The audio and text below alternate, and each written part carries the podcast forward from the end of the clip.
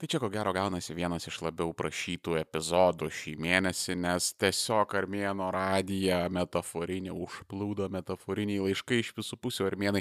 Pašnekėk apie Black Lives Matter, kas darosi su Black Lives Matter, kodėl Vilniui protestuoja, kas vyksta Amerikoje. Armėnai, prašau pašnekėk, prašau pašnekėk.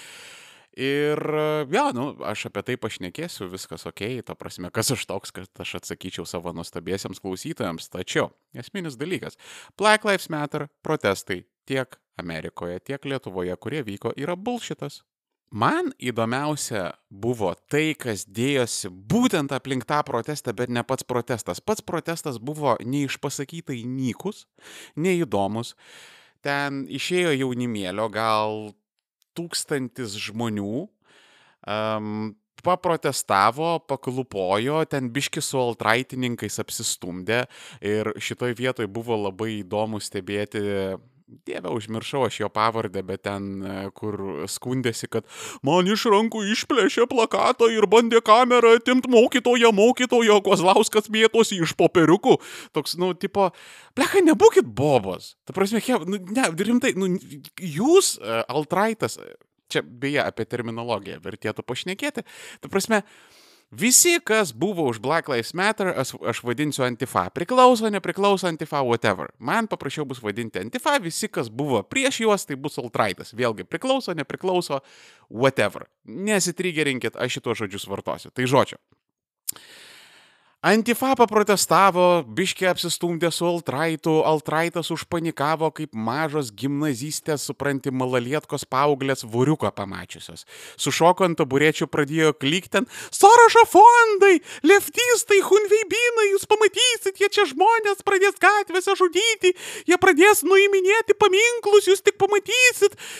Ir čia, žinai, kas yra labai įdomu, kad tiek Antifa, tiek Altraitas yra tos pačios ideologinės monetos pusės, nežiūrinti tai, kad ideologiškai tai yra du skirtingi politinio spektro galai, bet savo formą jie, nu, kaip du broliai dviniai ar ten du vandens lašai viens į kitą panašus.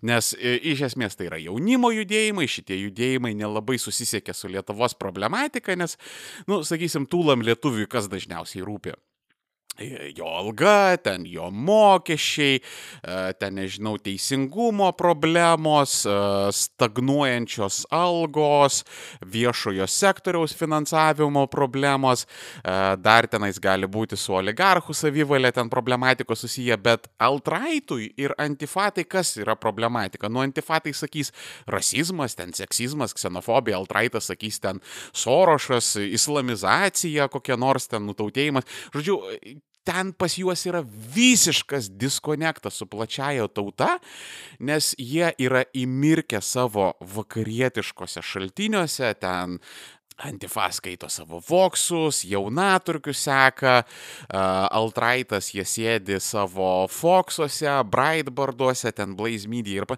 žodžiu, uh, jie nelabai gerai gaudosi ir orientuojasi, kas šitoj Lietuvoje vyksta ir jie principė savo visas problemas išveikinėja per amerikietišką problematiką. Ir sakau, šitos dvi grupės man yra visiškai neįdomios ir man tai rodosi, kad jos yra apie kažkokio didelio nacionalinio dialogo pradžią. Dar neaišku, kiek kokių srovių ir pusių ir partijų ir judėjimų ar žmonių ar dar kažko dalyvaus šitame dialoge, bet greičiausiai jisai bus, reikalai pribrendo.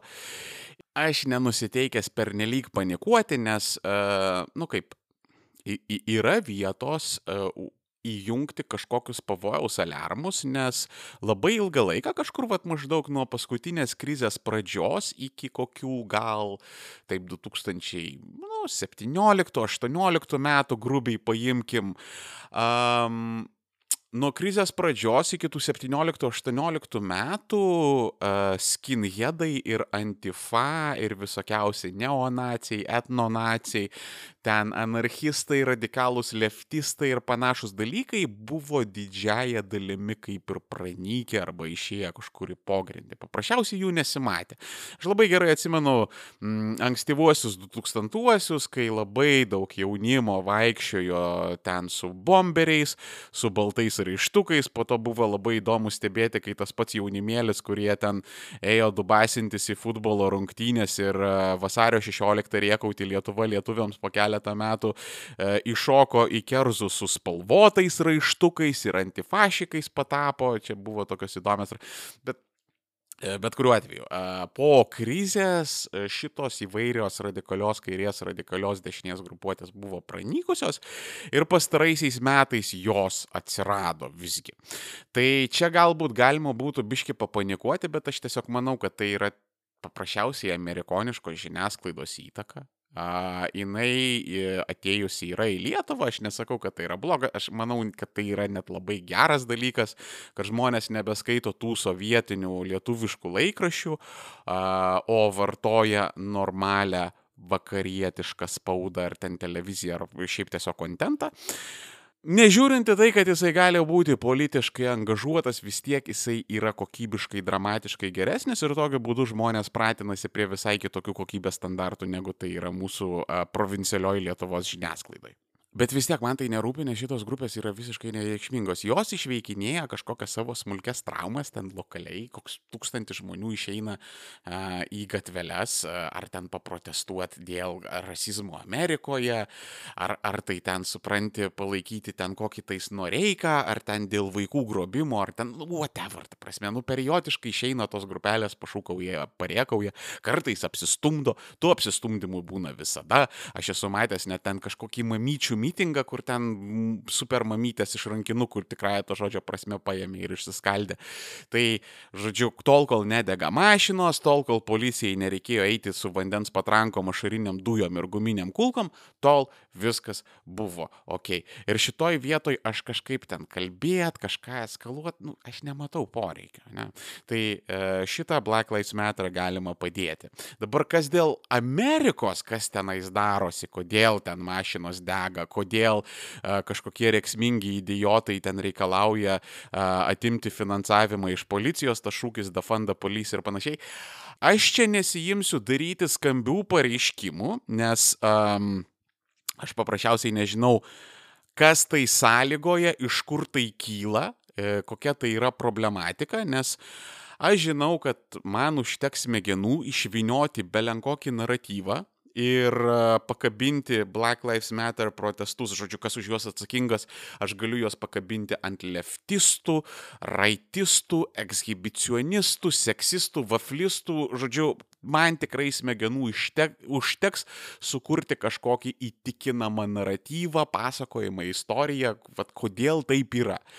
Aš, jeigu prispaustas prie sienos, greičiausiai sakyčiau, kad tai yra susijęs su kažkokiom vidiniam Amerikos socioekonominiam įtampom ir kur plona ten ir plyšta ir tiesiog šiuo metu buvo a, plona kaip pasakyti, tautinių ir rasinių mažumų bendruomenėje ir jų jų santykis su jos policija. Uh, va ten ir plyšo ir prasiveržia kažkokiais būdais. Bet aš taip linkęs manyti, kad čia greičiausiai yra išveikinėjamos kažkokios kitokios socioekonominės problemos.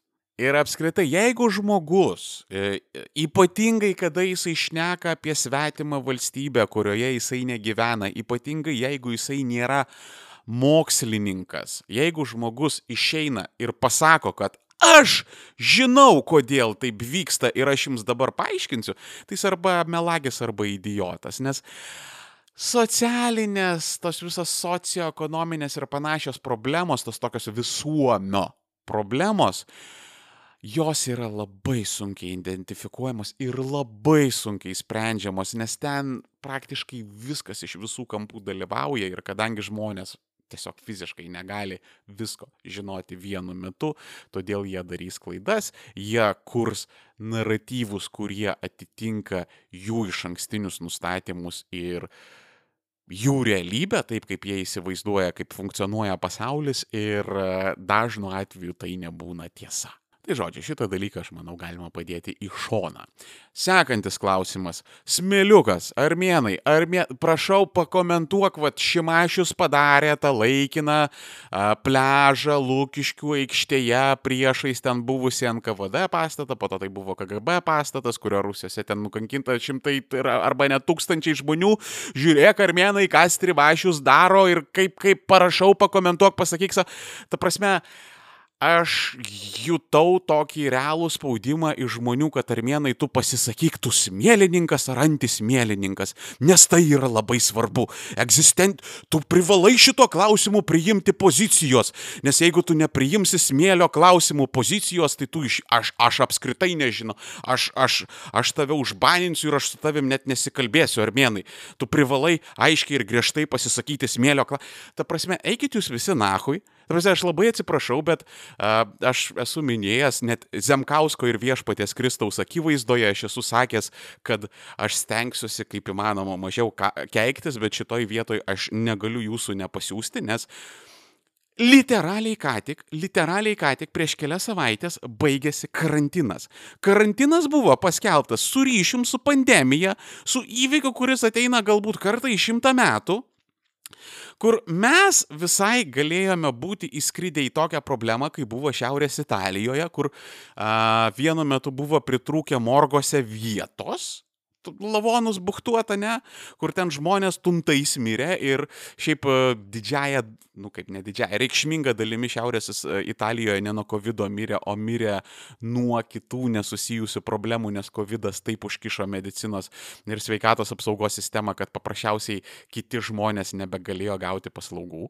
Tai uh, ryšim su tuo, kad čia nebuvo Šiaurės Italija, tai man rodėsi, kad žmonės turėjo tiesiog šokti gatvėse, džiugauti ir dėkoti likimą dėkoti, dėkoti vyryk, whatever, kažkam dėkoti, kad va, čia nebuvo Šiaurės Italijos, ne?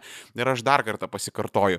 Čia kelios savaitės atgal buvo paskelbta karantino pabaiga. Nu gerai, ne kelios, gal porą. Nu ta prasme, nedaugiau trijų savaičių, taip? Darant nosies antroji banga, dar visai gali būti, kad mes sulauksim tokios rimtos krizės, kad paskutinė krizė kaip kurortas atrodys, kad tai jau nebus recesija, o fucking depresija ekonominė ir tai gali būti ilgų dešimtmečių ekonominė depresija. Ir vėlgi ta antroji banga, jinai gali tuo pat metu pareiti. Ir yra uh, specialistų, kurie mano, kad antroji banga gali būti baisesnė, čia vėlgi mes uh, nešnekam, kad tai garantuotai bus, bet yra prognozių, kad gali ateiti didžiulė ekonominė depresija, plus su antraja COVID banga, ten koksai nors, ne, COVID-20. Uh, kadangi žmonės jau bus pripratę prie tų karantinų, jau tas jų taip nebegazdins, todėl jie daugiau rizikuos ir gali išsisibuoti dar didesnių ir rimtesnių epidemijų ir pandemijų būtent dėl šito žmogaus požiūrio, todėl kai kurie specialistai sako, kad antroji banga gali būti labai ir labai sunki, ypatingai jeigu tuo metu dar ir vyks kažkokia ekonominė depresija. Tai dabar visų šitų dalykų akivaizdoje jūs smėliukų susirūpinat. Smėliukų! Jūs su pležas ir svarbiausia, ir, ir, ir svarbiausia, esminis daiktas, kad a, čia net ne apie smėlį, čia net ne apie pležą, o tai yra apie priešrinkiminės dramas. Nes, žinokit, aš esu pakankamai senas e, Vilniaus miesto gyventojas. Aš tenais nugyvenau savo ten kokius 30-31 gyvenimo metus, kol aš nepersikėliau į Kauną. Aš Vilniuje esu gimęs ir užaugęs ir aš atsimenu, kaip Lukiškių aikštėje vienam kampe labiau tenais į ūkio ministerijos pusę Nežinau, ar dabar stovi, aš ten tiesiog nebuvau, negaliu nei patvirtinti, nei paneigti, bet anksčiau stovėdavo toksai konteineris. Nu, tikrąją to žodžio prasme konteineris. Man atrodo, ten 20 futų, gal 40 futų buvo. Žodžiu, atvežtas konteineris, tame konteineryje buvo įrengtas berots, kad kofeinas, ne kažkokia hipsteriška kavos parduotuvėlė. Ten buvo primėtyta kėdžių, staliukų, skėčių, grojo muzika, rinkdavosi jaunimas, gerdavo kavytę, gerdavo tos savo varpučių kokteiliukus, linksmindavosi, gerai leisdavo laiką. Ir tada niekieno nekanalindavo, kad visa šita bakanalyje vyko šalia buvusių NKVD rusių, kur šitiek partizanų ir rezistentų buvo nukankinta. Nes, supranti, nuo Lūkiškių aikšties tai buvo keli metrai iš šoną, tai tada čia nesiskaito. Bet va jeigu tą Lūkiško aikštę užpylė į smėliuku ir žmonės ten pradėjo leisti e, linksmai laiką, nu tai čia jau yra pereboras visiškas. Juo labiau, kad, ta prasme, dieve, um, visas Vilniaus senamestis jis yra ant kaulų pasistatytas, jis krauju yra persisunkęs, ten nėra nei vieno kampo, kur nebūtų savo metu suversti partizanai, kur būtų kariami ten žmonės per sukilimus, žodžiu, visas Vilniaus centras yra persisunkęs žmonių kraujo, ašarų ir kančios. Bet kažkodėl mes ant kiekvieno kampo nestatom paminklų, atminimo lentų, mes neuždarinėjom barų, nes kaip tu čia linksminsėsi tokiuose sakralinėse vietose, nes vėlgi tai yra priešrinkiminės dramos, kadangi mūsų nuostabieji Filadelfijai, kurie rašo tos mūsų sovietinius laikrašius, jie savo tom mažytėm ribotom susisukusiom viešais pirkimais azabočintom smegenėlėm, jie jau nebesugeba patys mąstyti.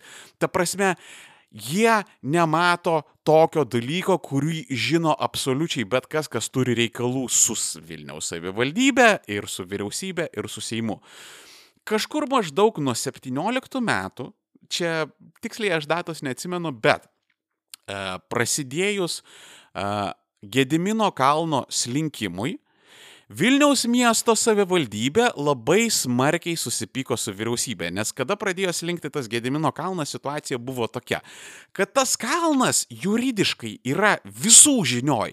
Ta prasme, ir Vilniaus savivaldybės, ir kultūros ministerijos, ir aplinkos apsaugos ministerijos, ir Lietuvos nacionalinio muziejaus, ir ten kažkokių, supranti, aplinkos apsaugos departamentų.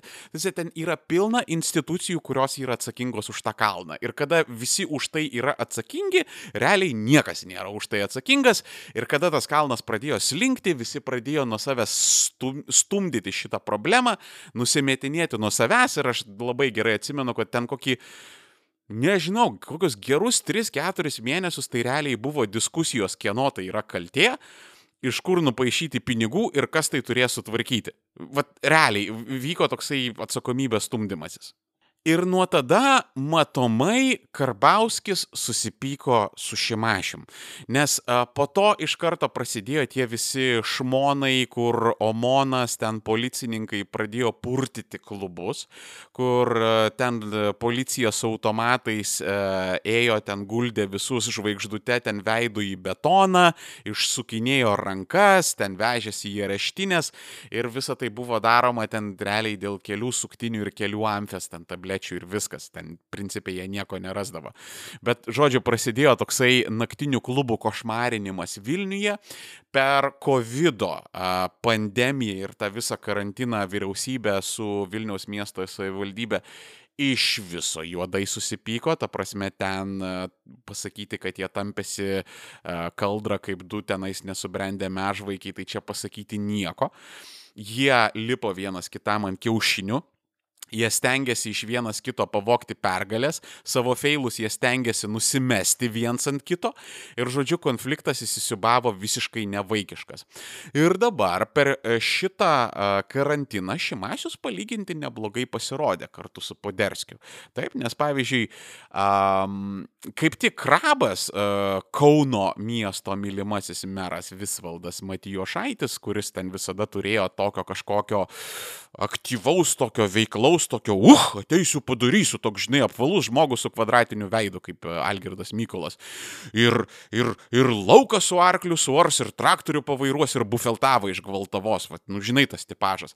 Tai kažkaip su šituo tipažu nelabai matijošiai pavažiavo, jisai realiai kaip ten Vladimiras Putinas vos ne bunkeryje sėdėjo ir nesirodė. Tai šitoj vietoje jisai prarado nemažą pasitikėjimo avansą, o Šimašius su Poderskiu kaip tik labai šauniai sudirbo, labai šauniai viską sutvarkė. Ir ši čia jo pakilo reitingas.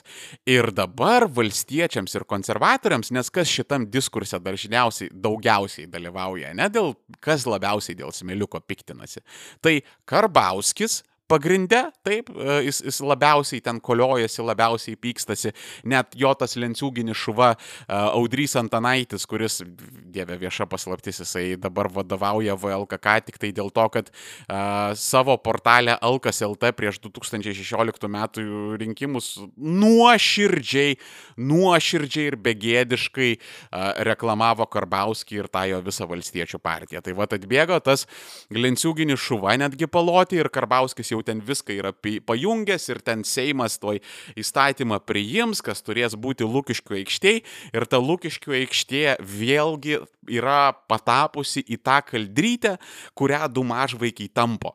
Nes jeigu tai būtų padaręs ne koksai nors šimašius ar whatever kažkas kitas, aš beveik garantuoju, kad niekas net nebūtų antakio pakėlęs dėl to paplūdimio Lukiškių aikštėje. Nes dar sėki pakartosiu, istoriškai tai nėra labai sakralus objektas ir tai tiesiog buvo arbitraliai sugalvota, kad supranti, čia yra pasišaipimas, jeigu čia bus pležas. Aš paprasčiausiai manau, kad tai yra priešrinkiminis konfliktas, kad konservatoriai su valstiečiais veikdami nepriklausomai norėtų pašikti šimašiui, kad e, prieš rinkimus jam susifakapintų reitingas, nes e, jie neblogai įsitvirtino Vilniuje tą Laisvės partiją, žiūrėk, dar vieną kitą mandatėlį paims, gal vienmandatai.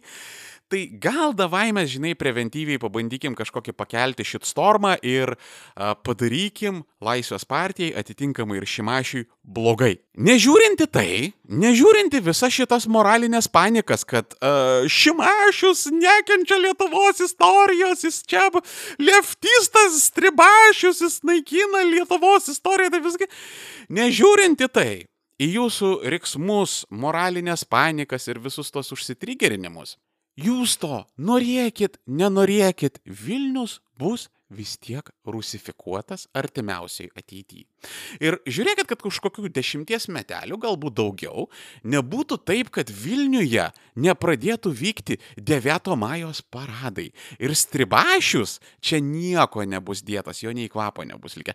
Nes už tai jums reikėtų padėkoti ponams Dargiui, Avuliui ir jų kolegoms oligarchams, kurie atvėrė šliuzo vartus ir padarė taip, kad 2019 metais į Lietuvą atvažiavo 66 tūkstančiai, o tai yra ištisas Alitaus miestas emigrantų pagrindė iš Ukrainos ir Baltarusijos.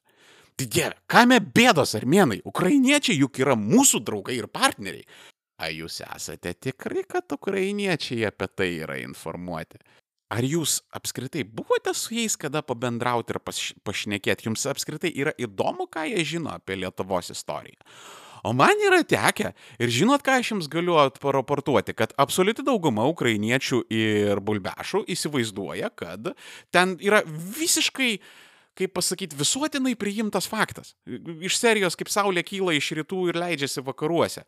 Tai absoliuti dauguma ukrainiečių ir baltarusių, kurie čia atvažiuoja į Lietuvą tenais dirbti, jie mano, kad Lietuva tai čia yra kažkoks sintetinis darinys, lietuviai čia yra visiškai neegzistuojanti tauta, tai yra kažkoks žemaičių išmislas. Lietuva yra iskono slaviškas kraštas, tikrieji slavai yra tikrieji litvinai, jie taip mano. Ir daugeliu jų Vytautas, Gediminas, Algirdas, Kestutis, taip jie apie juos žino. Ir jie apie juos žino ne dėl to, kad jie labai domisi Lietuvos istorija, o dėl to, kad jų vadovėliuose yra parašyta, kad uh, ten Vytautas, Gediminas, Algirdas ir Kestutis jie buvo slavai. Ten ukrainiečiai ar baltarusija, rusienai ar dar kažkas, bet jie buvo slavai, jokiais būdais nelietuviai. Tai va, tas Alitaus miestas, kasmet į Lietuvą atvažiuojančių emigrantų, kurie čia iš, iš esmės jaučiasi kaip tikrieji šito žemės šeimininkai, nusės pagrindę Vilniuje, nes, nu, ar ten jo apylinkėse, ne, nes čia tiesiog vyksta didžiausias ekonominis aktyvumas. Ir su tokiais rautais, jeigu dėl, dėl ten visokiausių COVID ir uždarytų sienų a, tie srautai neapmažės, tai jeigu kasmet atvažiuos po Alytaus miestą į Lietuvą ukrainiečių ar baltarusių, mes labai labai greitai turėsim savo tos mažuosius Kijevus ir mažuosius Minskus, bus ištisi rajonai, kur tu lietuviškai paprasčiausiai nebesusikalbėsi net Maksimoje, čia kaip kokiam žinai visą gynėvos ne. Ir čia jūs galite iš to apmaudo nors susideginti, bet tai nieko nepakeis, nes jeigu tokie srautai žmonių atvažiuos į Lietuvą į metus po 60 tūkstančių. jinai bus labai sparčiai slavizuota. Ir užmirškite tas fantazijas apie jų integraciją, nes jeigu mes nesugebam integruoti kokio tai, nu, plus minus šimto tūkstančio čia vietoje gimusių ir augusių e, Lenkų tos mažumos, ne tenais aplink Vilnių gyvenančių, jeigu mes nesugebame net šimto tūkstančių jų integruoti, tai įsivaizduokit, po dešimties metų jų privažiuos daugiau negu pusę milijono. Ir tada man prašau atsakykite klausimą, jeigu mes nesugebam čia vietoj gimusių šimto tūkstančių integruoti, kaip mes integruosim penkis, šešis kart daugiau į čia atvažiuojančių užsieniečių, kurie nei gimė, nei augę, plus čia yra rusiški darželiai, plus čia yra rusiškos mokyklos, plus čia daug kas šneka rusų kalba, tai jiems čia iš viso bus lafa gyventi, jiems net nereikės realiai integruotis. Ir čia dar sėki sakau, jūs ką nori, tą darykit, nieko nepakeisi. Nes dabar yra dvi opcijos. Arba mes slavizuojamės, vežam pigią darbo jėgą iš rytų ir turime šiokią tokią, kaip e, Vaidas Navickas sako, Europos Bangladešo ekonomiką, arba mes jos neturim ir tampam Venezuela, nes mūsų demografija, augantis pragyvenimo lygis, eksportui mažiau patrauklios kylančios algos ir ypatingai žemę pridėtinę vertę orientuota ekonomika, šitie dalykai tiesiog suponuoja, kad mes turime tik tai vat, du šituos variantus - arba slavizuotis ir būti Bangladešu, arba būti Baltijos Venezuela. Aišku, yra trečias variantas. Yra variantas, kur mes galim labai rimtai investuoti į švietimą. Yra variantas, kur mes galim nustoti kviestis ten visokiausius didžiulius call centrus, kurie pabėga iš mūsų valstybės tą pačią akimirką, kai užsibaigia visi europinės paramos tenais apribojimai ir reikalavimai.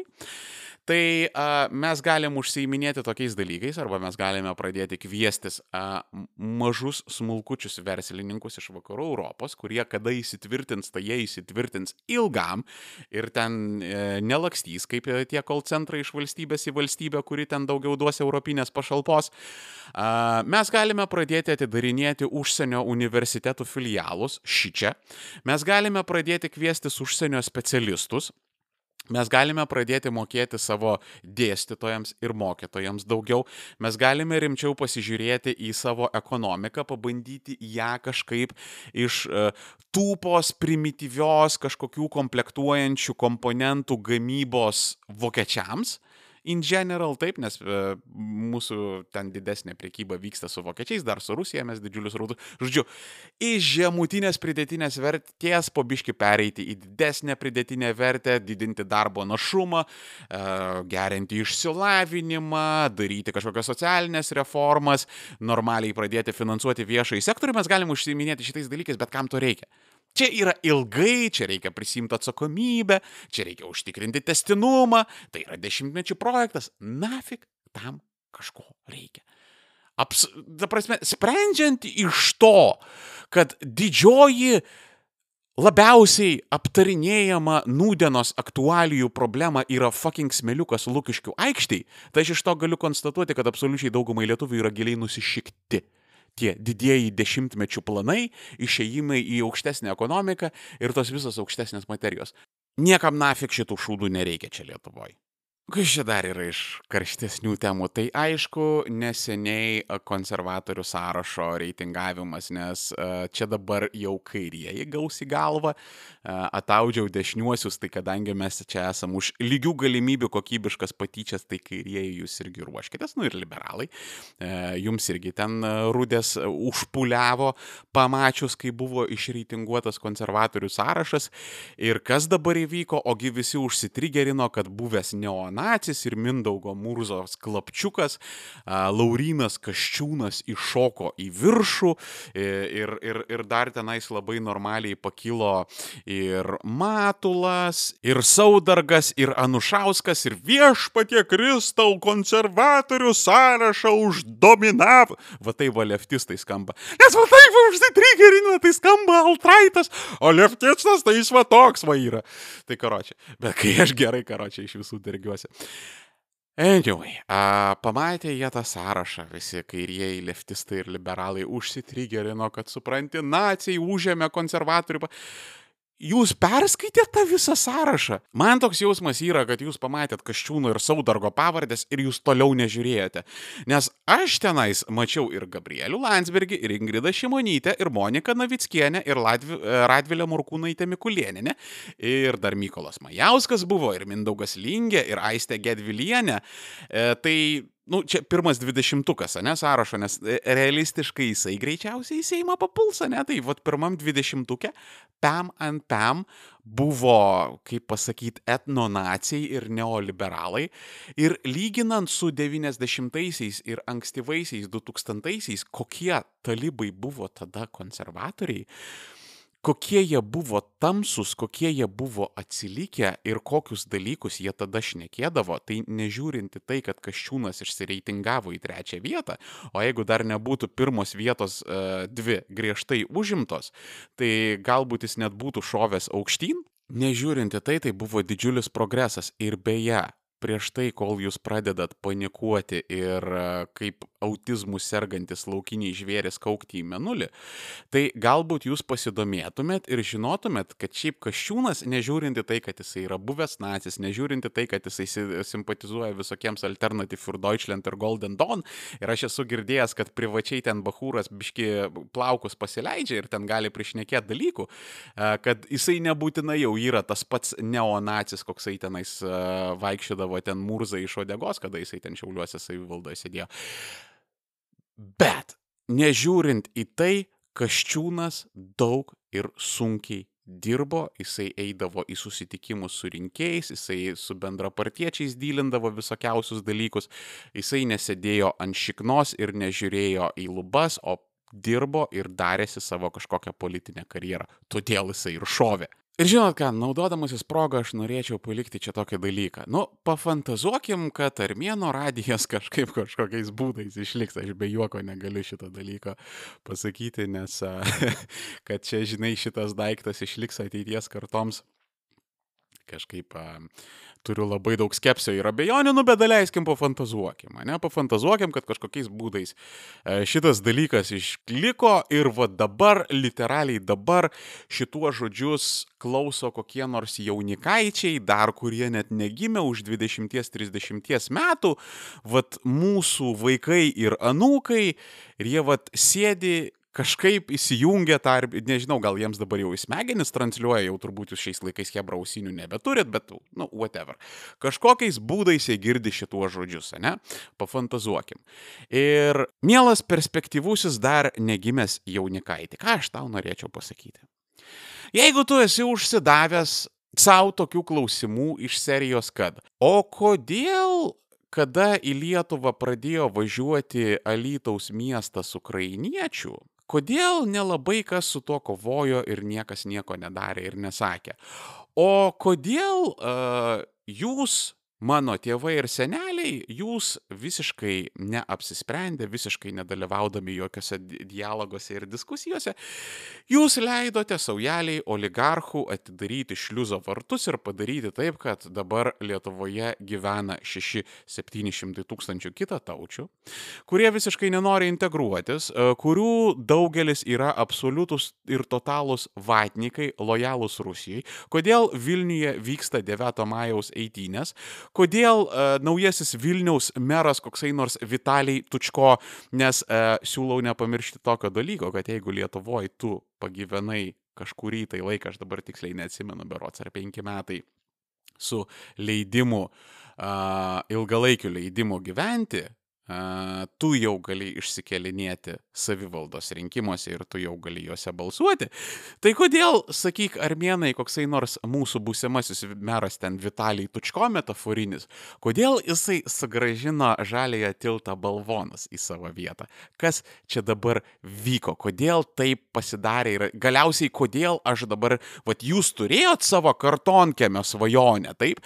Jūs turėjot svajonę, kur ten galėjo būti kartoninis kotedžiukas, kur šalia jo galėjo stovėti lizinginis hybridinis Lexusas ir visa tai galėjo būti uždirbta ar tai ten iš kažkokių viešų pirkimų, ar ten varkių su e-shopais, ar galiausiai tiesiog sąžiningų darbų ten dirbant kažkur IT sektorija. Kodėl aš nebeturiu tos svajonės? Kodėl man reikia konkuruoti su savo algas dempinguojančiais hacholais ir bulbašais ir principė džiaugtis gavus darbą kažkokiam šūdinam kol centre ar kokioj nors uspaskienės mėslitoje. Kas čia įvyko? Ir mano atsakymas, dar negimęs būsimasis perspektyvus jaunikaitį, yra toks, kad greičiausiai tu neišgirsi šito daikto nei iš savo tėvų, nei iš savo senelio, nes jiems bus pamoina pripažinti, kad tuo metu, kada jie buvo kaip niekad galingi, kaip niekad įtakingi, kaip niekad saugus ir turtingi, jie visą savo laiką, energiją ir resursus paskyrė ne pabandyt pastatyti savo valstybę, ne pereiti į kokybiškai kitokį išsivystymo lygį, jie visą tai ištaškė ginčiams dėl smėliuko, gatvių pavadinimų ir skulptūrų. Ta prasme, ketvirti metai nerimsta aistros ne dėl kažkokios mūsų durnos ten e, imigracijos politikos, ne dėl artėjančios demografinės krizės, ne dėl artėjančių pandemijų ir kažkokių ekonominių sukretimų. Dar galų gale šalia stovi Rusija, kuri gali dezintegruoti, o dezintegruojanti Rusija gali reikšti labai labai blogus dalykus pasienyje esančiams valstybėms. Visų šitų iššūkių akivaizdoje keturis metus netylo aistros, kokį mes granitinį ar betoninį, metalinį, bronzinį, whatever šūdą pastatysim Lūkiškių aikštė. Ar tai ten bus Vytis, ar ten bus Basanavičius, ar tai bus ten teletabių namelis, ar ten bus paliktas paplūdimis, ar dar kažkas. Ketvirti metai pas mus netyla aistros, nes matyti šitas dalykas yra labai svarbus. Tai vad, mano mielas dar negimęs jaunikaitį jau turbūt nebe perspektyvus jaunikaitį, jeigu tu sėdi toj šiknoj, apie kurią aš neku, ir jeigu tu susimastai dėl šitų dalykų ir niekas tau negauna atsakymo, greičiausiai dėl to. Greičiausiai dėl to, kad tavo tėvams labiau rūpėjo smėliukas negu tavo ateitis. Ir davai šiandien padarom stop. Ačiū visiems, kas klausėte, laikinote ir komentavote. Ir jeigu jums patinka tai, kas vyksta Armėno radijui, tai apačioje aprašymuose visada rasite nuorodas į mano Patreoną, kur galite man įmesti dolerį, 2, 3, 10, 20, whatever, kiek negaila. Ir keli doleriai į mėnesį čia net, net neišlaida yra. Bet kada jūsų daug, net ir centai labai reikšmingai keičia vaizdą. Tai žodžiu, dar sėki ačiū visiems uždėmesi, juo labiau ačiū už paramą. Šiandien viskas. Iki kito. Čiau.